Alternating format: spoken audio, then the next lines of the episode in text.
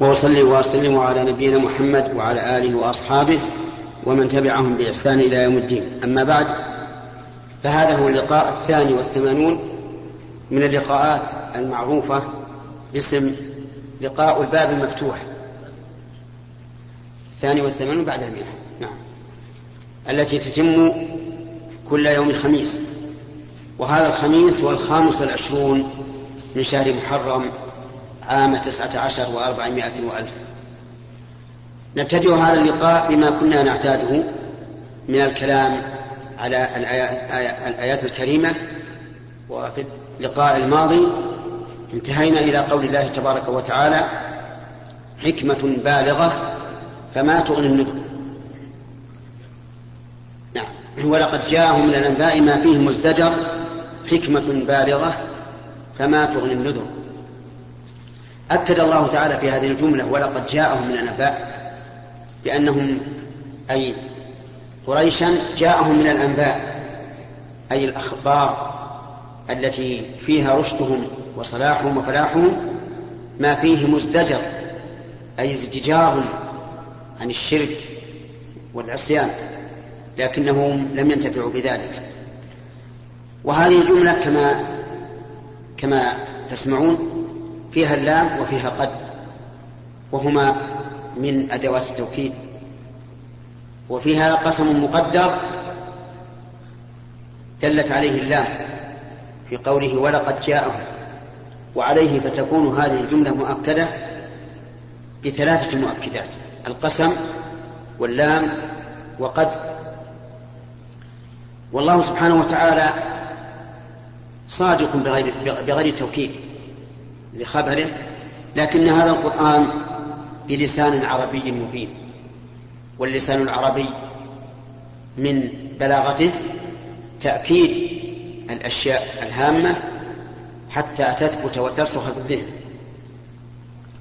قال الله تعالى حكمة بالغة يعني أن الأنباء التي جاءتهم حكمة وهذا كقوله تعالى وأنزل الله عليك الكتاب والحكمة والحكمة هي موافقة الشيء لموضعه ويعبر عنها بقولهم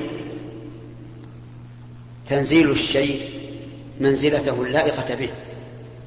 ولا شك أن شريعة الله كلها حكمة كلها مطابقة لما فيه صلاح العباد في معاشهم ومعادهم. وقوله بالغة أي تامة واصلة إلى الغرض المقصود منها. فما تغني النذر؟ ما هذه يحتمل أن تكون نافية يعني أن النذر لا, لا تغنيهم شيئا. ويحتمل أن تكون استفهاما على وجه التوبيخ. يعني فأي شيء تغنيهم؟ وكلاهما صحيح. فالنذر لم تغنهم شيئا. وإذا لم تغنهم هذه النذر المشتملة على حكمة البالغة فأي شيء يغنيهم الجواب لا شيء لأنهم معاندون مستكبرون. ثم قال عز وجل فتولى عنهم. وإلى هنا ينتهي الكلام. تولى الخطاب للرسول صلى الله عليه وسلم عن هؤلاء لأنهم معاندون مستكبرون. وما تغني الآيات والنذر عن قوم لا يؤمنون. وإن يروا كل آية يعرضوا ويقولوا سحر مستمر. فتول عنه سوف يأتيهم ما, ما, ما وعدوا به وسوف يتحقق لك ما وعدت به. ويحسن هنا أن تقف فتول عنه ثم تستأنف وتقول يوم يدعو الداعي لأنك لو وصلت لا أوهم أن التولي يكون يوم يدعو الداعي ومعلوم أن التولي في الدنيا وليس يوم يدعو الداعي وقوله يوم يدعو الداعي هو ظرف. والظرف لا بد له من عامل. كالجار والمجرور لا بد له من عامل. وكجميع المفعولات لا بد لها من, من, من عامل. فما هو العامل في قوله يوم يخرجون من الأجداث العامل قوله يخرجون. يوم يخرجون من الأجداث ك... نعم. فتولى يوم يدعو الداعي إلى شيء نكر خش عن أبصارهم يخرجون فهي متعلقة بيخرجون أي سوف يأتيهم العذاب في ذلك الوقت. يوم يخرجون من الأجداث كأنهم جراد منتشر. وقوله يوم يدعو الداعي إلى شيء نكر هو داعي يوم القيامة. إلى شيء نكر أي منكر عظيم لشدة أهواله فإنه لا شيء أنكر على النفوس من ذلك اليوم لأنهم لم يشاهدوا له نظيرا. خش عن أبصارهم يعني أن أبصارهم خاشعة ذليلة كما قال عز وجل ينظرون من طرف خفي. هم الآن مستكبرون. رافع رؤوسهم رافع رؤوسهم يرون أن الناس تحتهم وأنهم فوق الناس. لكن سيأتي اليوم الذي يكونون بالعكس. يخرجون من الأجداث كأنهم جراد منتشر. الأجداث هي القبور وكأنهم جراد منتشر الجراد المنتشر المنبث في الأرض الذي لا يدري أين وجهه. ليس له طريق قائمة يعرف كيف ينتهي ولكنهم منتشرون. وهذا من أدق التشبيهات. لأن الجراد المنتشر تجده يروح يمين ويسار لا يدري أين يذهب.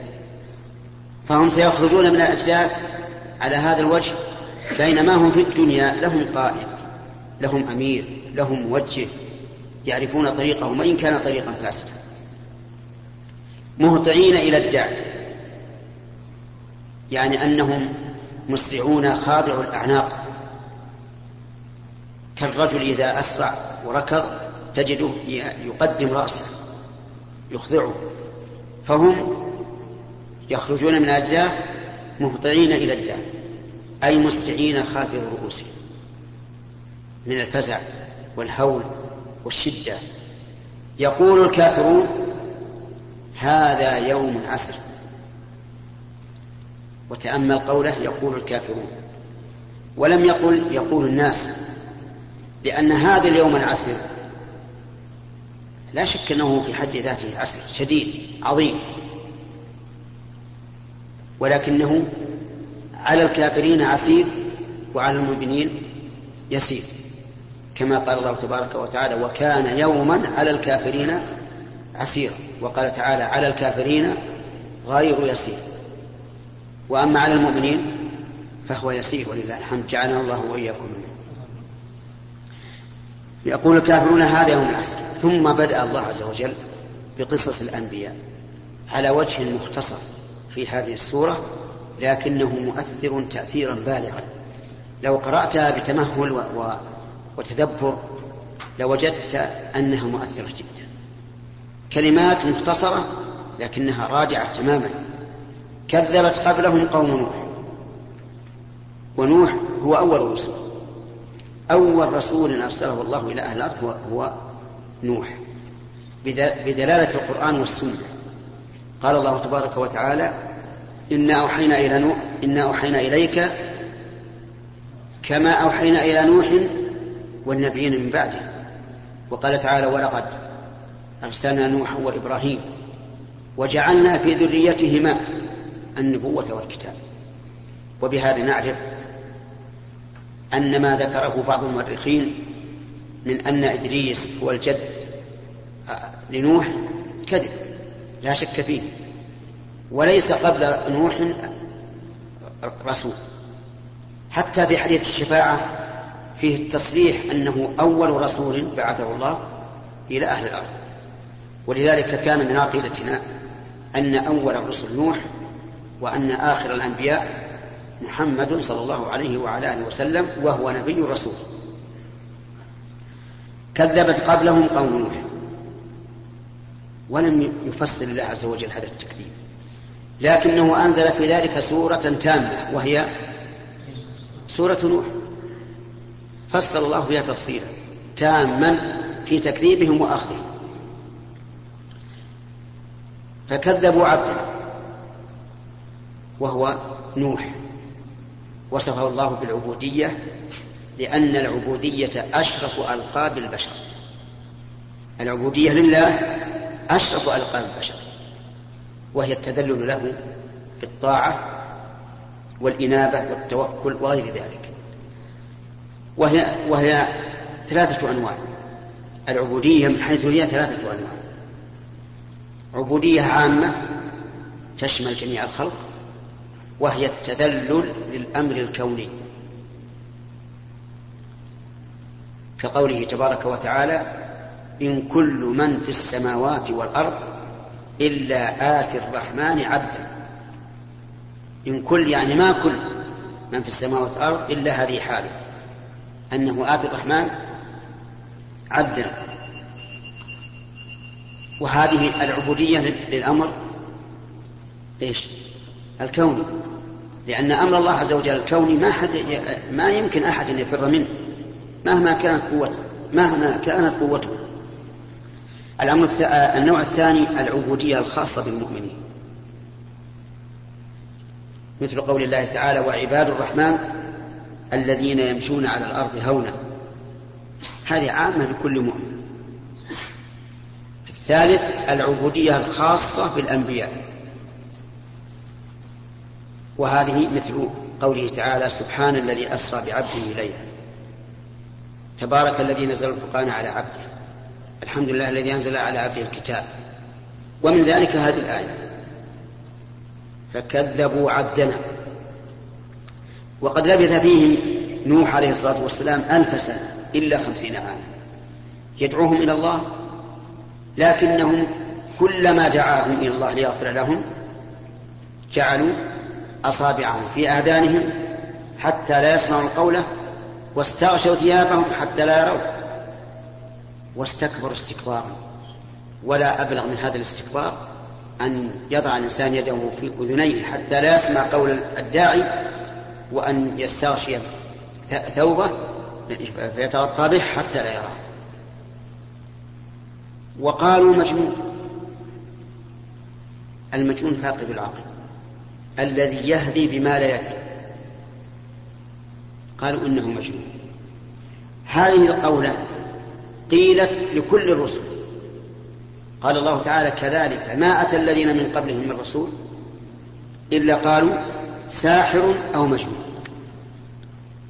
وأو هنا إما للتنويع يعني بعضهم يقول ساحر وبعضهم يقول مجنون. أو أنها للتنويع. يعني بمعنى انه إن بعضهم يقول ساحر بعض المكذبين وبعضهم يقول مجنون. أو أنهم يقولون هذا وهذا. وعلى كل حال فأول نوح قيل له إنه مجنون. وازدجر. ازدجر يعني زجر زجرا شديدا. والزجر هو النهر بشدة وعنف. والدال هنا منقلبة عن تاء.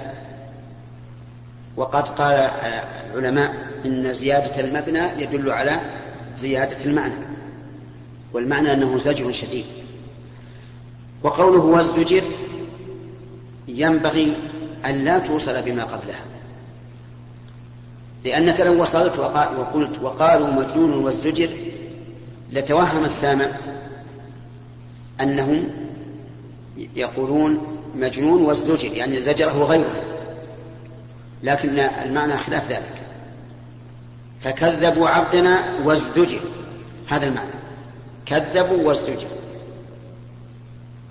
فإذا الأولى أن تقف. وقالوا مجنون. ثم تصل وتقول وازدجر. فيكون هنا. لم يقتصر هؤلاء المكذبون على أن كذبوا بل إيش؟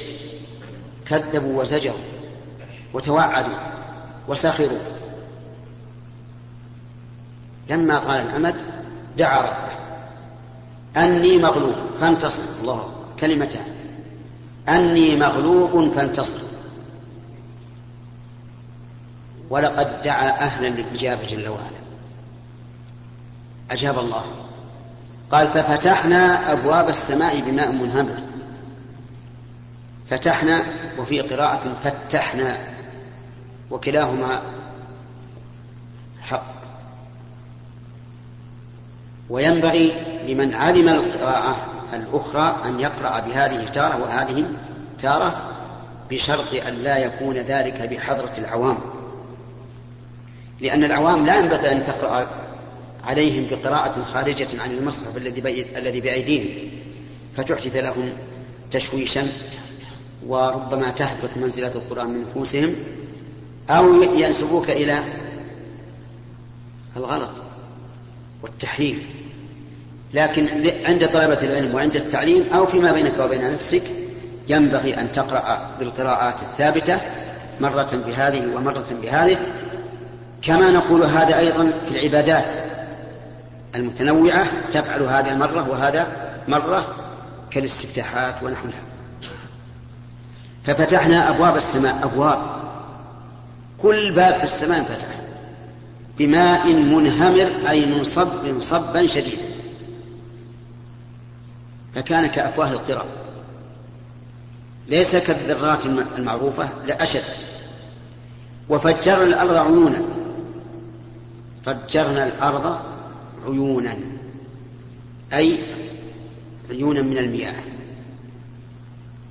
وتأمل قوله تعالى فجرنا الأرض عيونا ولم يقل فجرنا عيون الأرض. كأن الأرض كلها كانت عيونا متفجرة حتى التنور الذي هو أبعد ما يكون عن الماء لحرارته ويبوسته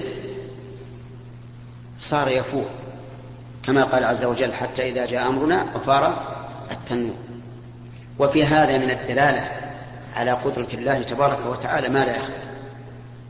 وأن هذه الفيضانات التي تحدث الآن وقبل الآن إنما تحدث بأمر الله عز وجل. وليست كما قال الطبائعيون إنها من من الطبيعة. يقول هاجت الطبيعة غضبت الطبيعة وما أشبه ذلك نسأل الله العافية. بل هي بأمر من يقول للشيء كن فيكون. فجرنا الأرض عيونا. فالتقى الماء على أمر قد قدر. هنا ماء ماء نازل من السماء دل عليه قوله فتحنا أبواب السماء بماء منهمر. وماء من الأرض نابع دل عليه قوله وفجرنا الأرض عيونا. فلماذا لم يقل فالتقى الماءان لأن لأن المراد ماء السماء وماء الأرض. قال العلماء إنه أراد الجنس. لأن جنس الماء هنا واحد. ماء الأرض وماء السماء. أو يقال لأنه لما كان المقصود بهذين الماءين شيئا واحدا وهو عذابهم صح إفراده التقى الماء على أمر قد قدر أي على شيء قد قضاه الله تعالى وقدره. في الأزل. فإنه ما من شيء يحدث إلا وهو مكتوب. قال الله تعالى وكل شيء أحصيناه في إمام مبين يعني من من أعمال بني آدم ومن ومما يقع في الأرض. كل شيء محصى ولهذا قال على أمر قد قدر. ثم قال عز وجل وحملناه على ذات ألواح ودسر إن شاء الله يأتي الكلام عليها في اللقاء القادم لنتفرغ من الأسئلة ونبدأ باليمين.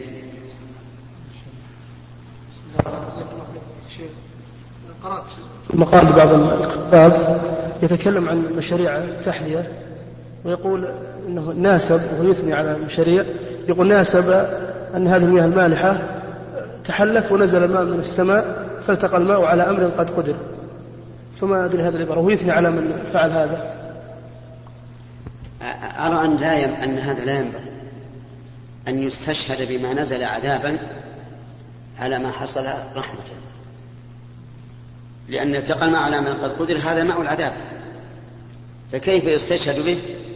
على ماء يسر الله تعالى الوصول إليه نعمة من الله تبارك وتعالى. لكن هذا كما يقول بعض الناس الآن إذا أنجز مشروعا قال وقل اعملوا فسيرى الله عملكم ورسوله والمؤمنون. هذا غلط. أولا لأن هذه الآية نزلت بمن؟ في المنافقين. يعني اعملوا فلن يخفى أمركم ثانيا سيرى الله عملكم ورسوله.